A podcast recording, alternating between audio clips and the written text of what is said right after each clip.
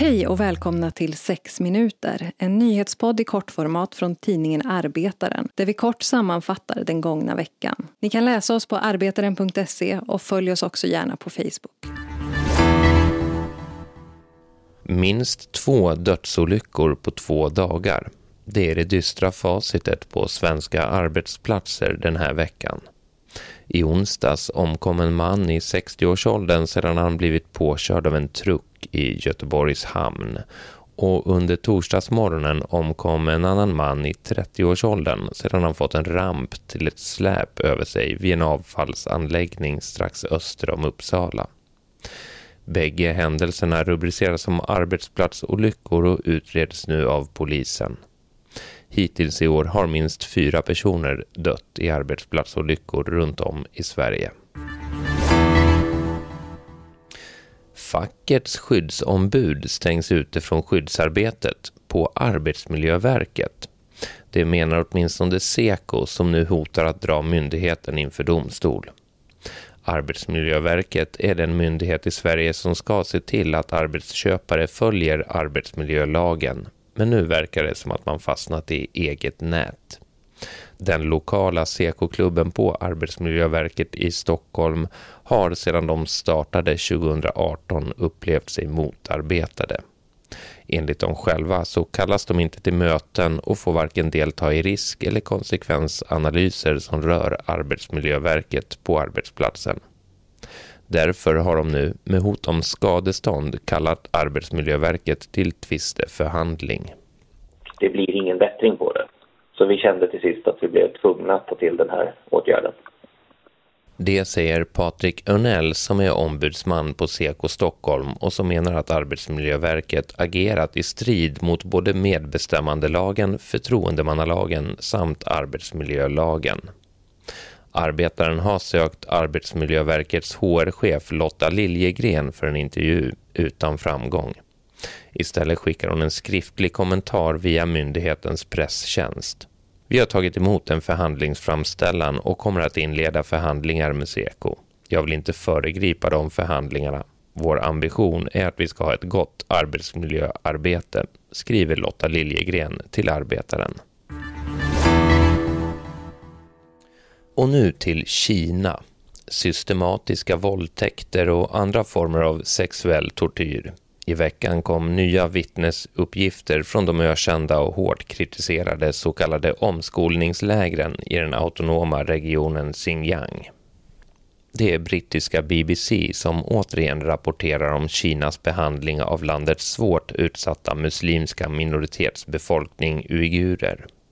Vittnen som BBC pratat med och som säger sig ha flytt från de ökända lägren i västra Kina berättar om upprepade våldtäkter och hur olika typer av sexuellt våld används systematiskt av såväl lägervakter som av poliser.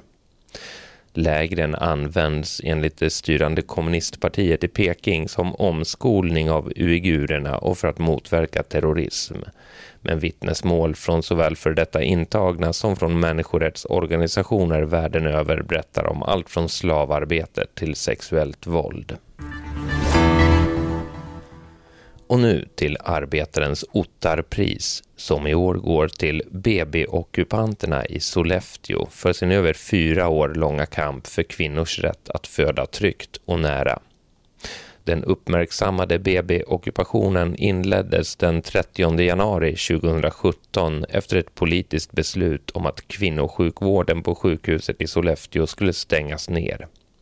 För många blivande mödrar innebar beslutet en resa på minst 20 mil till närmaste förlossningsavdelning. Jag blir alldeles knottrig när du säger det här. Jag mår så dåligt över att kvinnorna måste resa så långt. Tack, det är så fint att ni lyfter fram den här frågan, säger Barbro Mikaelsson som är sekreterare i ockupationsföreningen när arbetaren ringer upp. Arbetarens Ottapris som delas ut årligen tilldelas en person eller grupp som i Elise Ottesen Jensens anda varit verksam i kampen för sexuell hälsa, jämlikhet och samhällelig rättvisa. Ottapriset består av 10 000 kronor och brukar delas ut i samband med en middag med arbetarens redaktion. I år sker dock prisutdelningen digitalt. Läs mer om motiveringen bakom priset, tidigare pristagare samt en längre intervju med Barbro Mikaelsson på arbetaren.se. Då är det dags för sista ordet med Annie Hellqvist. Vanligt folk, vilka är det? Det undersöker Mia Blomgren i radioserien Vanligt folk i P1. Hon frågar sig, vilka är vanligt folk? Hur är de?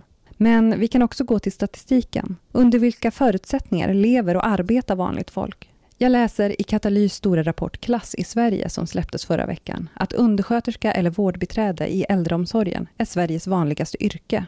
De finns i varenda liten ort över hela landet. Det finns ingenstans de inte behövs. Och behoven kommer bara bli större. En eftertraktad grupp alltså. Hjälteförklarad efter pandemiåret. Samtidigt, på Sveriges vanligaste jobb är det vanligt att vara osäkert anställd. I katalysrapporten beskriver Elinor Odeberg hur tillfälliga anställningar är som allra vanligast bland just vårdbiträden. Sex av tio har osäkra anställningar. På Sveriges vanligaste jobb är det också vanligt att man får ett betydligt lägre lönelyft än snittet bland välfärdens arbetare. Och det är väldigt vanligt att man sjukskrivs. Till och med vanligast när det kommer till psykiatriska diagnoser, som exempelvis utmattningsdepression. På Sveriges vanligaste jobb är det vanligt med nedskärningar, år efter år av nedskärningar. När 2020 inleddes och vi alla var lyckligt ovetandes om att viruset i Wuhan skulle utvecklas till en global pandemi och drabba svensk äldreomsorg stenhårt, började också ett nytt budgetår. Ett budgetår där 96 procent av Sveriges alla kommuner skar ner i äldreomsorgen. På Sveriges vanligaste jobb är det vidare vanligt med arbetsmiljöbrister. Arbetsmiljöverket publicerade förra året en stor granskningsrapport där man granskat över tusen arbetsplatser i äldreomsorgen. Nio av tio hade brister i arbetsmiljön. På Sveriges vanligaste jobb är det vanligast att vara kvinna och kanske har det något med saken att göra. Som vanligt.